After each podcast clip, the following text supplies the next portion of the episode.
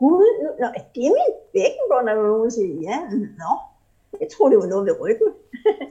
så, så man skal væk af den der um, opfattelse af, at det er noget, man skal mærke meget kraftigt i sin skede, eller meget kraftigt ved sit ryg. For det er det ikke. Man skal mærke det kraftigt ved sin endetarm. Når man først har fundet den bækkenbund, så skal man bruge den. Find den, træn den og brug den. altså, jeg vil, jeg vil sige, hvis du spørger en mand, øh, så vil han ikke ane, at han har en bækkenbund. Men faktisk er, er det den bækkenbund, han er med, med til at bruge for at få en reaktion. Altså ved at spænde og slippe i en bækkenbund, så pumper man faktisk blod, blod ud i penis. Og de fleste mænd, de kan faktisk godt lide at have en reaktion.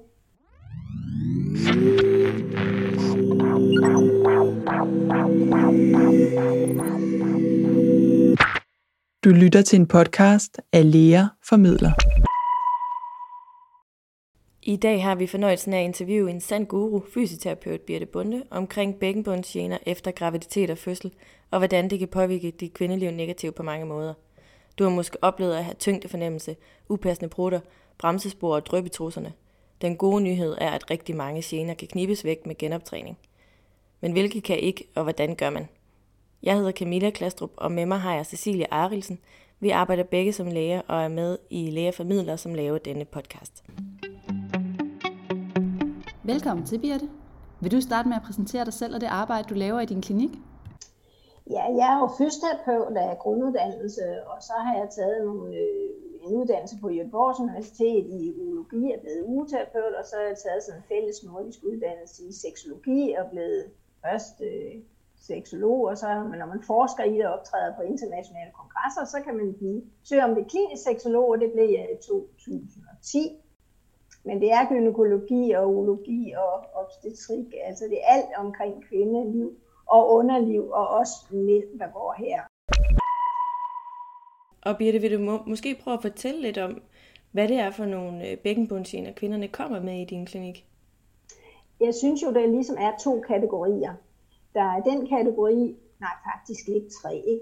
fordi der er øh, kvinderne, som er gravide, og der er kvinderne, som er født, som kan få nogle bækkenbundsproblemer i form af, at det, det er svært at holde tæt øh, på urinen. Det er faktisk hver tredje gravide, der er svært ved at holde på urinen. Ikke?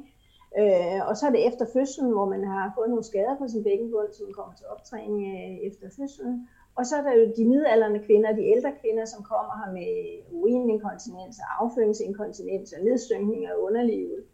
Øh, og så er der så alle dem, som kommer med smerter i bækkenbunden. Det snakker vi ikke så meget om. Det er faktisk en helt stor gruppe, der kommer øh, med, med smerter i, i bækkenbunden, både mænd og kvinder.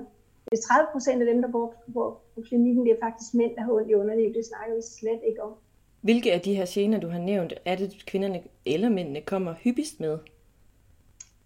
Det er øh, inkontinens og nedsynkning, og øh, hvis man ser på de smertefulde, øh, så, så er det øh, spændinger i, øh, i bækkenbundsmuskulaturen. Altså svært ved at, at tømme blæren, svært ved at komme af med afføring, svært ved at have et samleje. Både mænd og kvinder har svært ved at samleje, hvis kvinder alt, alt for meget i den bækkenbund. Man skal være fleksibel i bækkenbunden. Man skal være ja, parat til alt muligt i den bækkenbund. Mm.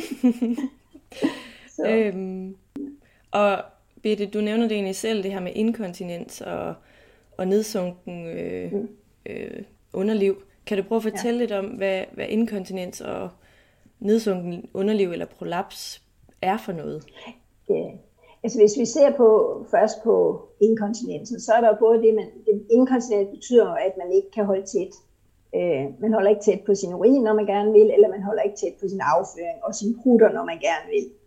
Øh, og det, man kan sige, 3% af, sam, af førstegangsfødende, de revner jo så meget, så rigmusklen går i stykker inden sammen. Så de er specielt udfordret med at kunne holde tæt, både på urin også på afføring og på luft. Øh, nu, nu er man godt nok blevet rigtig dygtig til at sy øh, det samme, når man har forsket rigtig meget i Danmark. Og jeg kan sige, nu har jeg været med i så mange år. Gudskelov.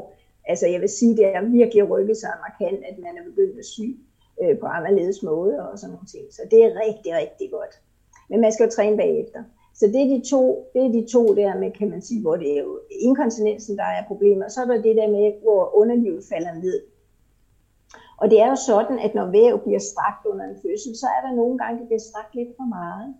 eller at man ikke har været opmærksom på at få tømt blæren øh, inden pressefasen, eller ikke få tømt tarmen ordentligt inden pressefasen. Og når man så presser, så kan man være så uheldig, at man også øh, presser lidt af ledbåndene, som støtter blærehals eller urinrør, eller man får noget af bindevævet mellem skide og endetarm til at gå i stykker.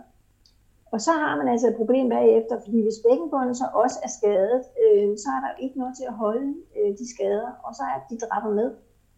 Og så får man sådan en bule i skeden, øh, og tænker, nogen tænker, oh, gud, er det kræft? Eller nogen tænker, hvad er det for noget bobbelværk, jeg sidder på? Og sådan var det da ikke før, og sådan nogle ting. Så det, der, der kommer det til ikke lige at hænge der, hvor det hængte før, og det sunker lidt sydpå, ikke? men det, brysterne hænger jo heller ikke altid, hvor de kommer fra. Så det synker lidt sydpå hos nogen, og, og det er faktisk rigtig mange, fordi man kan se på det, at det er hver anden kvinde, der får nogle skader på den ene eller den anden øh, retning i, i bækkenbunden. Det kan også være en nerveforsyning til bækkenbunden, sådan Altså man skal jo have nerver ud til muskler, for at de kan trække sig sammen. Øh, det er jo ligesom, at man skal have ledninger i en lampe, for at den lyser. Ikke? Den kan jo være fin og flot lampe, men der skal ikke have nogen ledning fra kontakten og ind til lampen, så, så lyser den ikke, det det samme. Hvis der ikke er nogen nerveledning ud til, fra hjernen og ud til bækkenbunden, så laver den jo ikke en hudende flis. Og det, jo, det kan man jo se, når man måler på det samme set. Lige efter en fødsel, så har 80% faktisk mistet noget af nerveforsyningen. Og det er den første måned efter, Øh, at, at, det er, at det er et, et problem, at den ikke er helt op og køre, som den skal.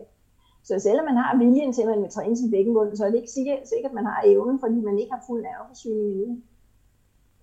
Okay. Øhm, så, men gudskelov kan man sige nogle gange, at altså, den nerveforsyning går, begynder faktisk allerede at gå lidt i stykker i slutningen af graviditeten. Så snart barnet synker ned der, man er omkring 36 uge, hvor barnet synker ned og strækker øh, mavemusklerne ud, så strækker de faktisk også bunden og nerveforsyningen. Og der begynder nerveforsyningen allerede at gå lidt i stykker. Så man har ikke fuld følesans øh, dernede, når man føder. Det er jo meget smart. Mm. Det, det er sådan, det er også derfor timen efter man er født, man går rask rundt. Det tror jeg ikke, man ville gøre, hvis man havde fuld følesans dernede. Det tror jeg faktisk ikke. så, så der er naturen så lige ret stille og roligt, så kommer den nerveforsyning tilbage igen bare ikke hos 20 procent. Der kommer den ikke tilbage, der skal den godt nok have noget hjælp. Og der bruger man så alle de der fysioterapeut-teknikker, man har for at fremme en, en innovation, ikke? og se, om man kan få den til at sprede sig det, der er tilbage, så man får fuld nerveforsyning, eller bedre nerveforsyning til bækkenbunden. Ikke? Mm. Er der nogen forskel på, hvad du anbefaler i forhold til vaginal fødsel og kejsersnit? Altså, kejsersnit er jo også en fødsel. Det er bare en par centimeter højere op, kan man sige. Ikke? Og, og øh, altså man, skal, man kan godt have lidt problemer med, ikke med selve underlivet og, og inkontinensen på den måde, men man skal huske på, at man har jo været, der er jo nogen, der har været inde og har fat i livmoderen, og nogle gange, der kommer man altså til også at røre om ved nerveforsyningen til tarmen, så man har lidt svært ved nogle gange at at få afføring ud på samme måde, eller det, det giver ikke de samme bevægelser, øh, og det kan jo så give forstoppelse, og så det, man undgik ved at føde, øh, det får man så øh, skader på af at have forstoppelse. Man skal huske også med kejsersnit, den der mave skal altså holdes i orden. Men det mærkelige er, at man kan se, altså man kan se i hvert fald, at risikoen for at blive urininkontinens er jo, er jo meget mindre, når man er født ved kejsersnit. Men på den lange bane, når vi bliver 60 år, så kan man faktisk ikke se på forskellen på de to grupper med hensyn til at ikke at kunne holde på vandet. Så man kan sige, at kejsersnittet, det redder jo, kan man sige, som amerikaner hedder love tunnel, det, det, det, det redder skeden i en vis periode i livet, men når vi kommer ud i den ældre gruppe, så kan man ikke se forskel. Så er man lige i stor gruppe af begge to. Så der er sket så meget i livet, man har løftet på alt muligt. Man har haft nogle forstoppelser mere, når man måske har fået kejsersnit. Så, så man kan ikke se det på den lange bane, men på den korte bane kan man tydeligt se det at, øh, at det ikke er så belastende. Så kan man sige, at nedsyngning af underlivet, det er jo, hvis man ser på det, så er det jo 20 procent af samtlige kvinder i Danmark, der får syet underlivet op. Det kan man se inde på DUPA-basen, det er sådan en gynækologisk, ugynækologisk øh, øh, base, hvor, man, hvor alle ugynækologer i Danmark indrapporterer øh, operationer, og der kan, kan man se, at 20 procent af kvinder i Danmark får syet underlivet op. Det er godt nok mange. Så jeg synes, man skulle til lige at stramme lidt op på den bækkenbund der, så undgik de der operationer. De kommer senere i livet. Det er senere i livet, de der øh, skader fra fødslerne, de dukker op omkring 55 års alderen og fremad. Okay. Så ja. Ja. Og, og Birte, kan du fortælle, du har været lidt inde på det, men kan du fortælle ja. lidt om, hvorfor de her gener opstår? Altså for eksempel under altså, nogle, nogle gange er det jo fordi, at man har en form af fysik, øh, der gør, at øh, man har måske et smalt bækken, eller man har også noget arveligt øh, i sig med, med væv dernede, er, er, er, ja, man har en slap benevæv, som man vil kalde det. Så man kan godt se de nedsyngende, de følger lidt familiære dispositioner. Man er rigtig, rigtig god til at føde, for det hele giver sig. Efterfølgende har man noget svært ved at træne op i det der øh, bløde bindevæv. Ikke?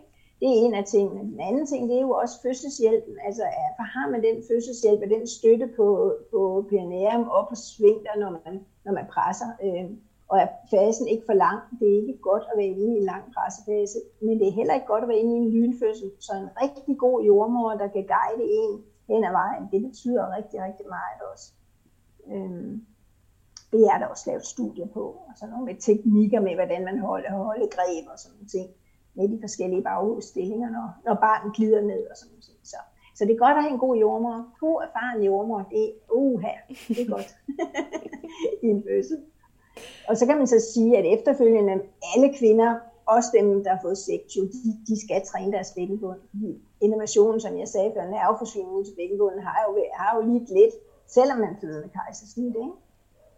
Så, øh, så alle, alle kvinder burde faktisk træne op i den bækkenbund efter, efter en fødsel. Men det er svært at finde den. Den ligger jo ikke lige til højre ben. Det er jo ikke som at se en pegefinger eller, eller, eller blink med et øje. Eller sådan. Den ligger jo et sted, der er lidt gemt, kan man sige. Ikke? Så derfor er den lidt svær at finde. Det, det er ikke sådan lige helt let altid at finde den bækkenbund. Og hvis man nu har problemer med bækkenbunden og kommer ind i din klinik, hvad fortæller du så? Vi starter altid med at, snakke, se noget anatomi, fordi man har en opfattelse af, at det er noget, man skal gøre i skiden, og det er det sådan set ikke. Altså, den største del af bækkenbunden sidder fast på halebenen og går bag om endetarmen. Fra haleben og bag om endetarmen og frem øh, på siderne af skeden og frem på siderne af urinrøret, og så sidder det fast på kønsbenet. Ude i siderne, det er ikke sådan en rund muskel. Det er sådan en slyngemuskel faktisk. Det er en halebensmuskel.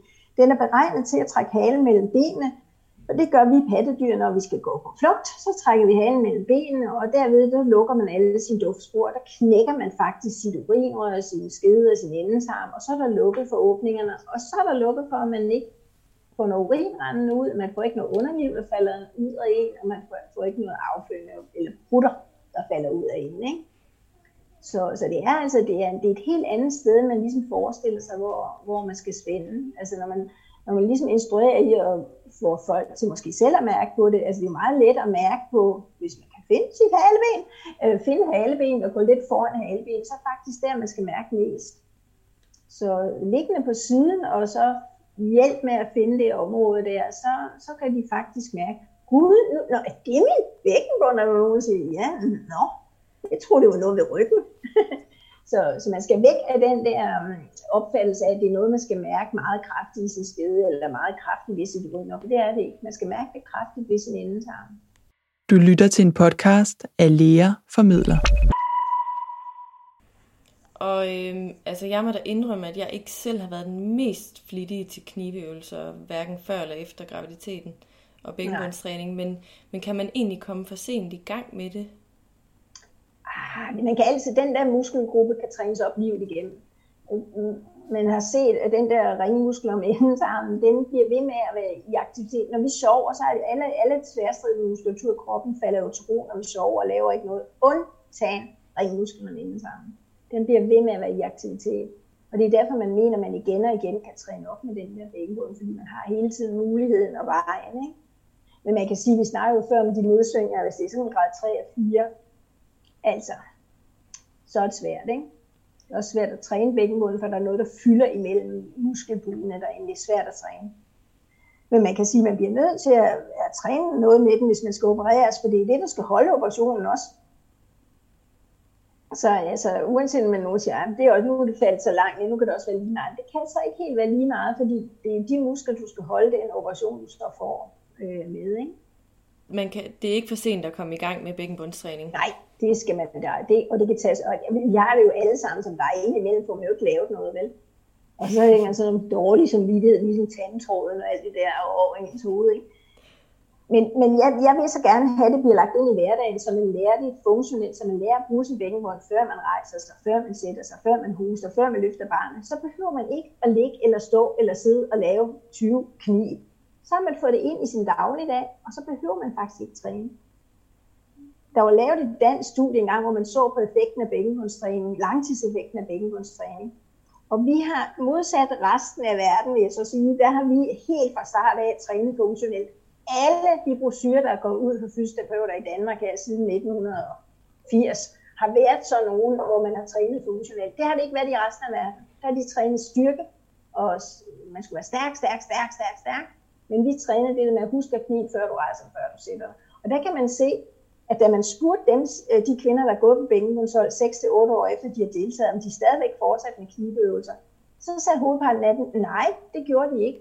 Men de har jo lagt det ind i hverdagen, så de brugte det i hverdagen, og de var stadigvæk tætte af det, de har lært. Så de har bare fået lagt en, hvad kan man sige, en betinget refleks ind i deres krop, øh, sådan at de, de i stedet for at lære at savle, når man ser et stykke chokolade, så lærer de, når der kommer et tryk ind i maven, så reagerer jeg i min bækkenbund og forsvarer mig. Og det gjorde så, at det, effekten holdt, ved, holdt, holdt ved. Men i udlandet, der kan man se, at når der går sådan 5 år, så går effekten væk, så skal kvinderne igen ind til fysioterapi og have noget indstimulering i bækkenbunden, eller noget vibration, eller et eller andet passivt, som så skal få det trænet op til, de så kan lige beholde sig igen. Det, det er rigtig godt, når man først har fundet den bækkenbund, så skal man bruge den. Find den, træn den og brug den. Det næste, det, du har været lidt inde på det, men om, om mænd kan have gavn af bækkenbundstræning? Altså, jeg vil, jeg vil sige, hvis du spørger en mand, øh, så vil han ikke ane, at han har en bækkenbund. Men faktisk er, er det den bækkenbund, han er med, med til at bruge for at få en reaktion. Altså ved at spænde og slippe i en bækkenbund, så pumper man faktisk blod, blod ud i penis. Og de fleste mænd, de kan faktisk godt lide at have en reaktion. Mm. Så ved at træne deres bækkenbund, så kan de faktisk få en bedre reaktion. Så øh, det er en engelsk øh, fysioterapeut, der hedder Grace Story, der i sin tid lavede nogle studier på det. Og det har der kørt masser af studier på efterhånden. At øh, det er godt for en mand at have styr på sin bækkenbund, fordi så har han også styr på sin reaktion. Så, øh, og det er der mange mænd, der synes er en dejlig ting. Det er det. Det er da godt at vide. Men altså mænd har jo ikke på den måde inkontinens øh, med, med urin, som, som vi kvinder har. Det er jo fødsler, der, der giver os problemer med at holde tæt på urinen. Men med afføring kan man se, øh, hold på afføring, der kan man se, der er de ældre mænd langt højere repræsenteret end kvinderne, fordi de har jo simpelthen aldrig trænet bækkenbund. Og der er kommet guidelines fra Sundhedsstyrelsen om, øh, med det med bækkenbundstræning til både mænd og kvinder, så, så man ved godt, at man skal træne den bækkenbund, også når man er mand. Og ikke bare for at få noget, der står og strider, men også for at holde tæt. Så, øh, så altså for mange år siden, da jeg startede med at have mænd, der havde jeg faktisk også en på Hvidovre, der var øh, der urologisk afdeling på Hvidovre Hospital, så der, kom, der skulle jeg også have nogle mænd til træning af bækkenbunden. Og så vidste jeg ikke, hvad jeg skulle sige, fordi jeg kunne ikke, altså det er så mange år siden, der var slet ikke lavet noget forskning omkring mænd. Og så havde jeg spurgt, om der var nogle øh, mandlige gynekologer, nogle mandlige urologer og nogle mandlige rheumatologer, om de ville være med på sådan et hold, og så, og så skulle jeg instruere dem, og så skulle jeg høre på dem om, om, om, de, om hvordan det føles og sådan nogle ting. Og hvordan, om jeg sagde det rigtigt, om de kunne mærke det spændende og sådan noget. De der mænd, de sagde, mm, nej, jeg kunne ikke få noget af dem på det hold. Jeg må gå til den enkeltvis og spørge, hvordan, og hvordan, hvordan mærker du det, og hvordan er det?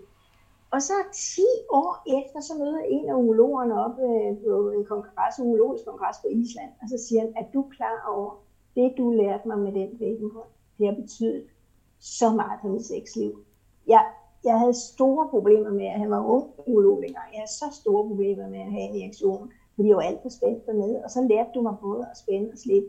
Og jeg er dybt taknemmelig. Så sagde han, du ikke og sagde det til mig? Nu er vi vente 10 år, hvor du siger det her til mig. Jamen, det er sådan lidt pinligt at sige. Så,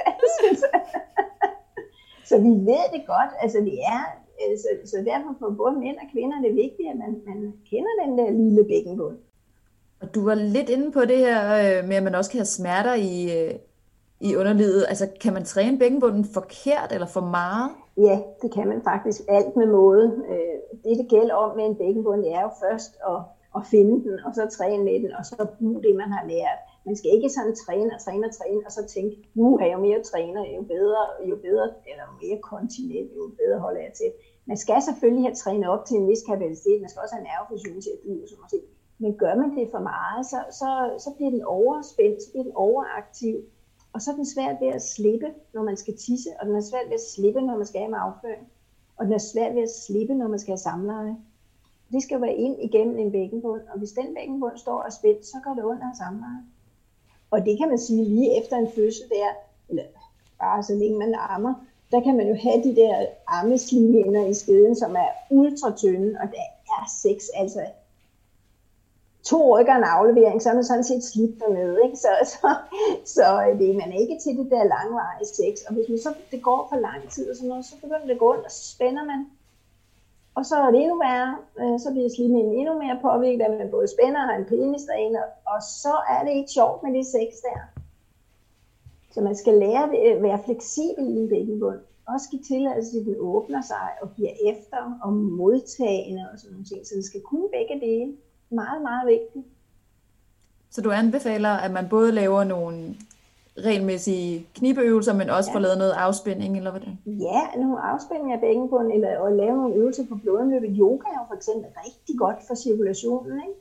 Og der kan man så sige, dem der vejrtrækningsterapeuter, hvad de kalder sig, der har vi da fat i lidt. Altså det at lave nogle dybe vejrtrækning, det, det er også godt for cirkulationen i en krop, og også i en bækkenbund. Man kan faktisk måle det nede i bækkenbunden i cirkulationen altså bare det, man trækker vejret dybt. Ikke?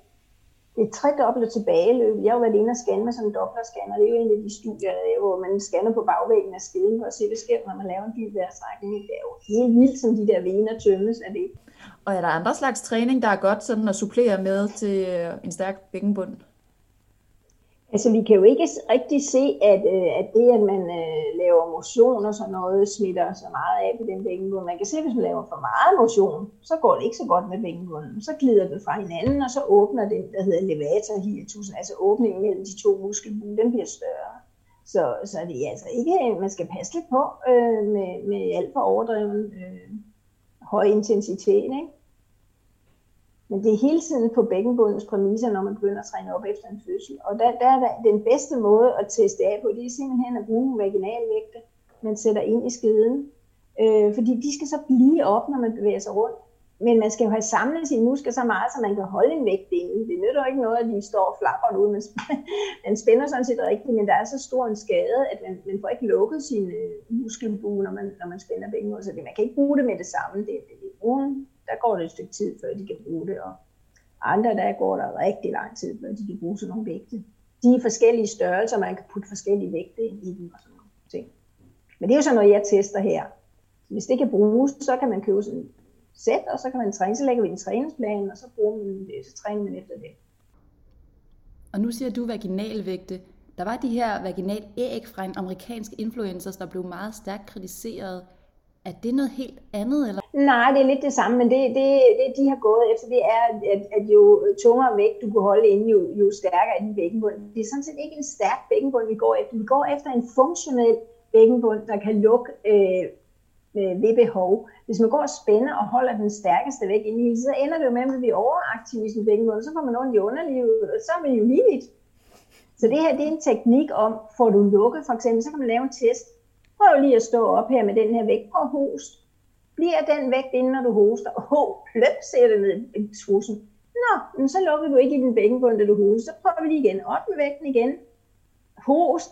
Og, men husk at knibe, før du hoster. Knib, luk enden sammen, host. Så timer man. Det er timingen, der er vigtigt. Jeg er sådan set ligeglad med, hvad, hvad meget den vægt vejer. Den skal helst være den letteste. Fordi så kan man bare lave om. Kan du gå en tur, så bliver den inde. Kan du løbe en tur, den bliver inde. Okay, så er din bækkenbund lukket. Ja, så, så øh, man kan sige, at de der vægte kan bruges som en signalindlæring. Det er ikke nogen, man skal gå med i al evighed. Man kan også måle på det. Der findes også noget sådan et pianometer, man kan måle på, hvor kraftig lukker du i din bækkenbund. Men det nytter jo ikke noget, at man har en bækkenbund, som er hammer stærk, der kan lukke, lukke 10 urinår på en gang, hvis den ikke kan lukke et urinår en hel dag. Så, så det er jo udholdenhed også, der betyder noget. Øh, spænder den, øh, når, når du skal bevæge dig, og slapper den af, når du sidder og ligger. Det skal kun begge det. Det er lige sådan, at hvis man træner en lårmuskel, ikke? man sidder og løfter en vægt, og lårmusklen bliver mega stærk. Men hvis du ikke løfter benene, når du ser en kantsten, så falder alle, uanset hvor, hvor stærk den lårmuskel er. Det er det samme med bækkenbunden. Du, du vil godt ligge ned og træne og træne og træne, men det er jo op, når du er i gang. Det er jo der, det er vigtigt. Det er sådan en lille dut, man sætter ind i skeden eller i endetarmen, som registrerer de signaler, man sender op fra hjernen. Og så når det kommer ned i maskinen, så lyser og pipper maskinen. Man kalder, kalder det en biofeedback. Fordi man kan jo ikke ligge der og se, om kvinden hun lukker sin endetarm, når hun hoster, vel? Men det kan man så med den maskine. Det kan man se på maskinen, når, når nerveforsyningen går i gang, så kan man se, at bækkenbunden laver noget. Det er jo en fantastisk sladderhang, for den siger, hov, du er spændt, du den spændt efter hostet. Så siger det sådan, og så siger den, det var ikke det, du skulle, du sige, og så skulle hosten komme, ikke? Så man kan simpelthen måle sig frem til, bruger du den rigtigt? Har du gang i din bækkenbund, når du skal bruge den? Eller kommer du for sent? Fordi kommer du for sent, så lukker du dit uriner, og så er du ud, og laver et hus, eller et hop, eller hvornår man nu er ud. Ikke?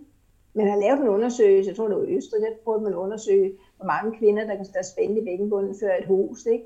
Det var 25 procent, resten gjorde ikke. Så det vil sige, når man hoster, så går man lige sin blære livmor tarmen ned og laver prop i bækkenet. Bup, så lukker man underjusorganerne og ikke med bækkenbunden. Ja, det er en rigtig dårlig timing, fordi når man så bliver 60 år, så er der et eller andet, der hænger ned der, der skal ses på. Ikke? Mm. Så, ja. så timing er rigtig vigtigt. Koordinering, eller hvad vi skal kalde det Så der findes måleredskaber, man sådan kan, eller pædagogiske redskaber, eller hvad man kalder det, hvor man kan se, ho, ho, ho, nu fik du sørme ikke lige fanget den. Du har en fremragende væggenbund, så tag dig og brug den på søren. og de fleste, når de gør det, så gør de det alt for kraftigt. De spænder, og de suger ind, og det går helt op i ansigtet på dem, og munden smører sammen, og altså, det gælder bare om at lukke den ende til ham. Det, det hedder kniv, det hedder ikke et karatehug, det hedder knib, fordi du skal gøre det lige så forsigtigt, som at lave en lille trutmund, eller ligesom det, man skulle lære fløjte, eller hvad man kan kalde det. er ikke noget kraftfuldt, men det er meget virkningsfuldt, når man gør det, når behovet er der. Ikke? Mm. Så, og så er der også lidt studier, der måske har vist, at det også kan højne den kvindelige seksuel respons, hvis man, man er lidt fleksibel og lidt aktiv i den der benbund. Ikke? Eller også, fordi man gør noget med sit underliv, så synes man er mere attraktiv. Det kan også være, det ved jeg ikke. Men, øh, men øh, det er der også nogle studier, der viser, at man måske får lidt mere øh, seksuel respons på at være, være lidt øh, levende og fleksibel i sin bækkenbund. Ikke? Så det er en win-win, som det hedder. Ifølge den forskning, vi har kigget på, så øh, tyder det på, at bækkenbundstræning kan forebygge inkontinensproblemer i graviditeten og efter fødsel. Men ja. i forhold til prolaps, der tyder det på, at effekten er sparsom. Øhm, er det også ja, hvis din det, erfaring? Jo, hvis, det, hvis man tager grad 3, og nu snakker vi lige lidt af fagsprog, der er jo ligesom fire grader, vi kan synke ned. Hvis det er bare sådan en grad 1 og grad 2, altså til nedsynke til bækkenbunden, så, så er der faktisk en nogle norske studier, der viser det, så kan man godt få mindre nedsynkning ved at, og, øh, at lave bækkenbundstræning. Men er det grad 3 eller 4, så kan man ikke. Så er man operationsparat. Eller der er det lige så godt at lære at tømme sit tarm ordentligt. Eller, altså der, der, der er andre ting, fordi det hænger faktisk simpelthen for langt ned. Man kan ikke. Men det er jo, øh, man kan sige, at det er rigtig vigtigt, hvis man så skal have en operation. Det er jo også det, der øh, Sundheds, Sundhedsstyrelsen anbefaler, at hvis man skal have en opsyningsoperation, hvad 20 procent af kvinder jo skal have, så skal de helst gå igennem et 12 ugers træningsforløb. Så det kommer næsten til det næste spørgsmål, for hvem vil du sige har gavn af at komme til fysioterapeut med sine gener? Så det er jo nærmest alle. Eller hvad? Altså man kan sige, at jeg synes jo, alle kvinder burde kende deres det, og mænd også. Altså jeg, jeg kan ikke forstå i skolen, at man ikke lærer noget om det der øh, bækkenbundsnår. Man lærer at sætte kondom på alt muligt andet. Men det der var, var, var, var jo også vigtigt, at man lærte sin bækkenbund at kende, så man vidste, at man skulle spænde i den, når man hoppede, og man skulle drengene skulle lære at spænde i den, så de fik en god reaktion, altså sådan nogle ting. Øh, det er så og nogen godt. behøver det overhovedet ikke. De lærer, de har de tricks i sig, de, de kan lukke, før de rejser sig op, og de kan lukke, før de hoster, og de kan lukke, før de løfter deres barn. Og andre, der er der overhovedet ikke noget refleksspænding i. Det skal først læres. Ikke? Og vi var kort inde på det her med højintensitetstræning, som kan være ret hårdt for bækkenbunden, især lige efter en fødsel. Men hvornår må man egentlig begynde igen, for eksempel på løbeture? Skal man vente til man har været til sit 8 ugers tjek ved lægen, eller må man godt begynde at løbe, hvis man nu har været flittig med sin bækkenbundstræning og kan mærke, at man ikke tisser i buksen? Ej, jeg kunne godt tænke mig, at der kom en lille læge ind og kigger over, om der er noget, der falder ned. Fordi man kan jo ikke mærke, at skiden er jo ikke følsom. Det lyder måske frygteligt at sige, men altså, det er den jo ikke. Den er jo ikke følsom. Øh, det er jo udgangen, der er følsom, det lille nederste stykke, der er følsom. Så nogen kan slet ikke mærke, øh, at der er noget, der hænger ned, at livmoderen ikke lige hænger, hvor den kom fra, altså, eller tarmen øh, bobler ind i skeden. Det mærker man måske heller ikke, hvis den holder sig ovenover øh, vingebunden. Ikke? Jeg kunne godt tænke mig, at man lige tog en tjek hos egen læge først. Derfor kan man godt gå nogle dejlige ture. Altså det, men på brænder, hvis man tænker, nej, nu har jeg taget alt for meget på, og det er forfærdeligt der. Så gå nogle ture. Altså det at gå er jo ikke nær så belastende for bækkenbunden, som det er at løbe og hoppe. Man kan jo have det sådan, at blæren falder ned, så det knækker urinrøret. Så man kan faktisk løbe fint og godt at være tæt, men det, man er ikke tæt på grund af en bækkenbund og. Man er, god, man er tæt, fordi man er så heldig, at bækkenbunden falder ned, så den knækker urinåren. Eller livmoderen falder så ned, så den laver prop og trykker på urinåret, så man er tæt. Så det er ikke et kriterie for, at man er, man er, det behøver det ikke at være. Man kan sagtens have en elendig bækkenbund og løbe og være tæt. Altså man har set på top af, af kvindelige atleter der, når de træner over øh, over sådan øh, 90 minutters øh, træning der, ikke? Øh, så, så har alle sammen øh, en nedsætning af, af enten en forvæg eller en bagvæg. Og alle øh, topatleter, kvinder, der træner øh, hårdt, de har øget øh, åbning i deres kvindehund. Øh, de har også større øh, altså, incidens, langt større hyppighed af urininkontinens, alle, alle top øh, idrætskvinder. Altså det er 80 procent af kvinder, der er i trampolin øh, hop der, der er våde, når de hopper på trampolinen. 70 procent af springgymnasterne, det er en kæmpe, kæmpe issue. Det er 90 procent af alle topidrætskvinder, de har bind på, når de udøver deres sport. Så, så sundt er det altså heller ikke for bækkenbunden. Det kan være sundt for en hel masse andet kredsløb og alt muligt andet, og muskelmasse og knoglemasse. Og der er meget godt ved motion, men lige alt for meget motion er ikke godt for en bækkenbund. Det må man så sige. Og så viser det sig, at liggende øvelser, altså hvor man laver liggende øvelser og sådan noget, hvor det ikke er de der high impact, altså løb og hop og, og langtidsløb og hop. Øh, der, de liggende øvelser og sådan noget, det, det bliver ikke det store problem på bækkenbunden. Det kan man godt gøre.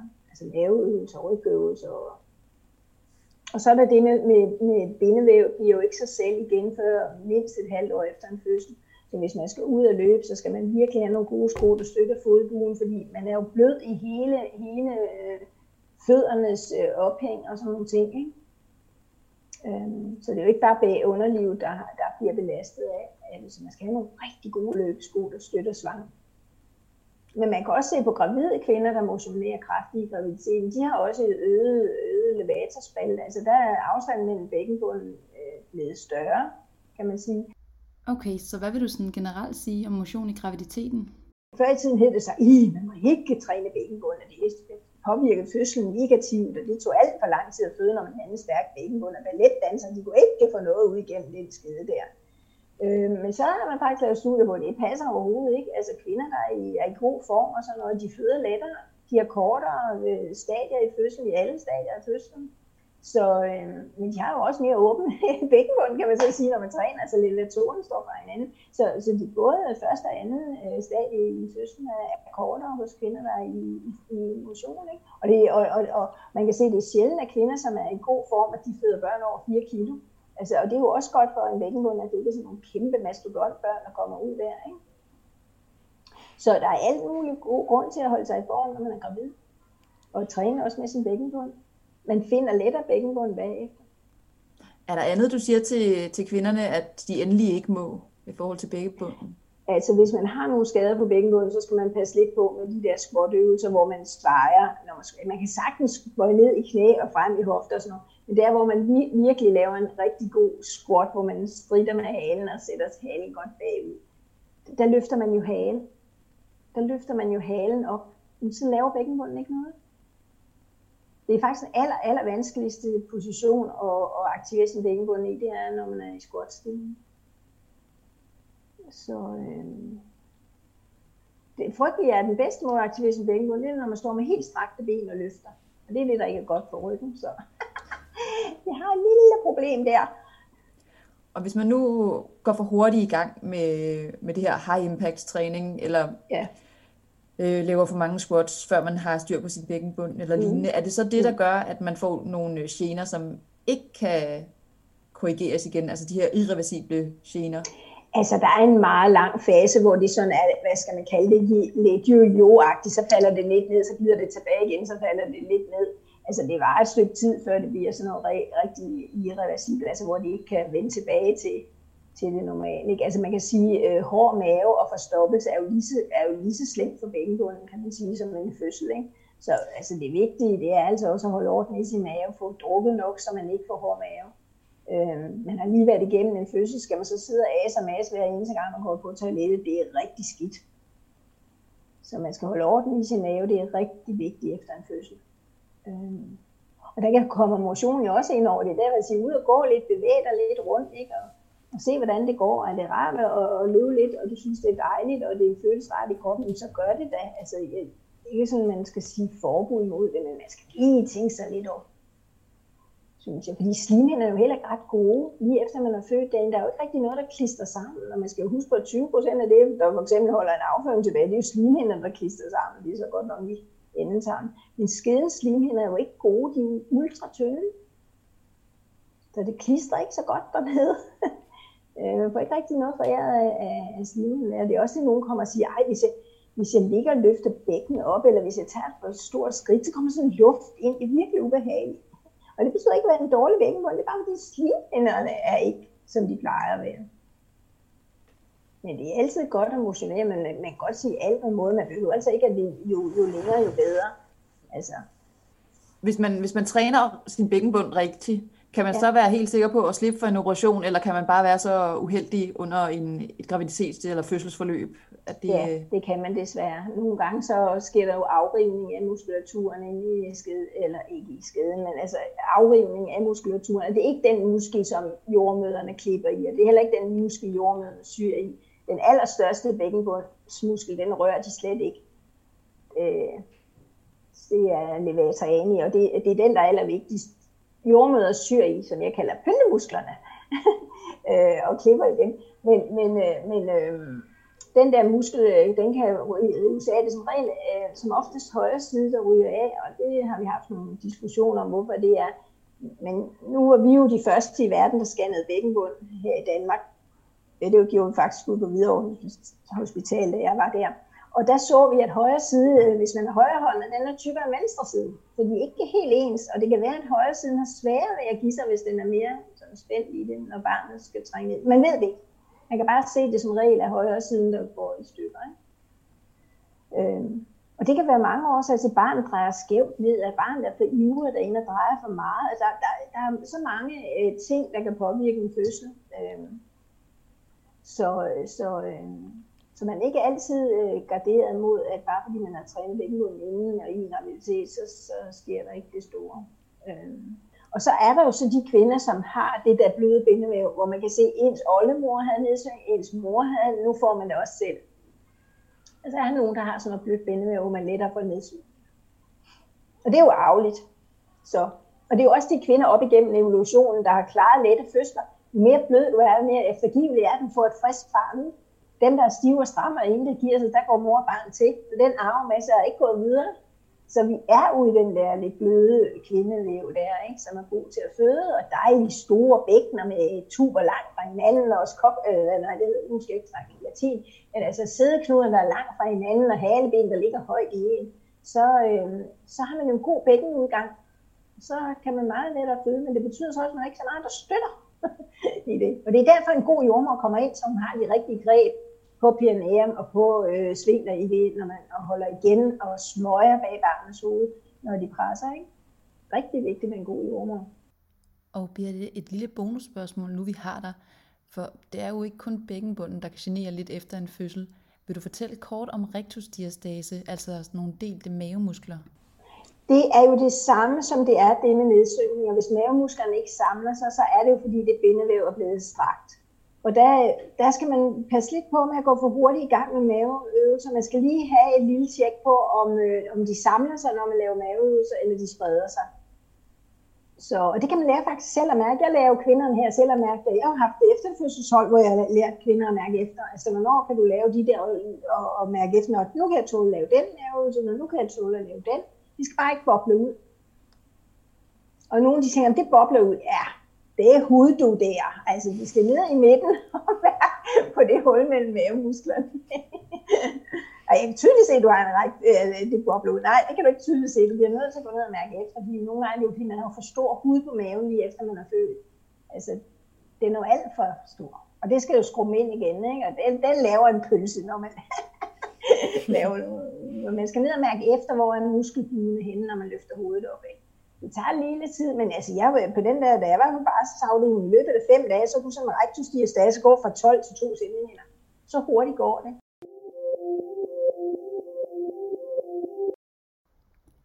Og for at runde af, vil du så sige helt kort, hvad man skal tage med sig fra det her podcast-afsnit, hvis man for eksempel har født for nylig?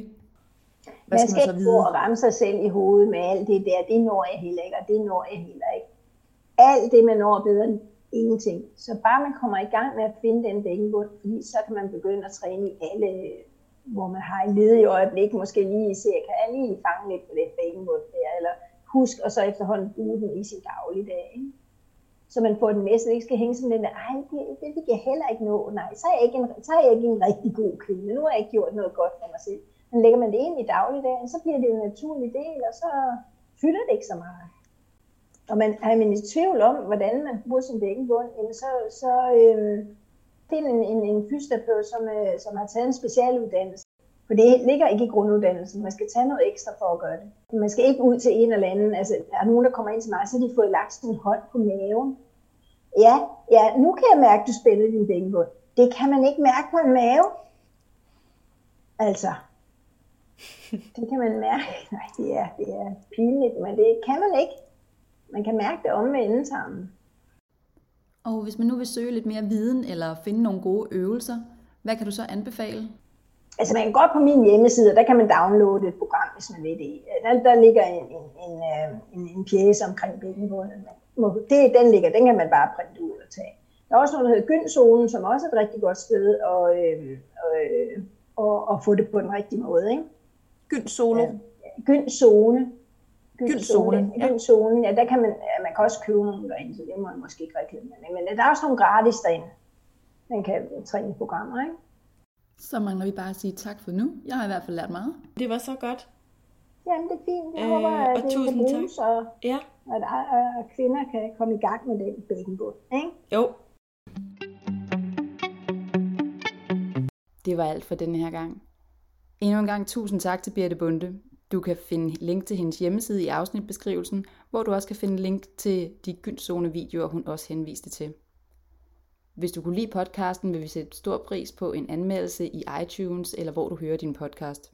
Her kan du også finde flere gode episoder under vores podcast Trygge Maver og Trygge Forældre. Du kan også finde Lægerformidler på Facebook og på Instagram, samt på lægerformidler.dk, hvor du kan tilmelde dig vores nyhedsbrev. Mit navn er Cecilia Ejlsen, og jeg har lavet den her podcast sammen med Camilla Klastrup for Læger Formidler.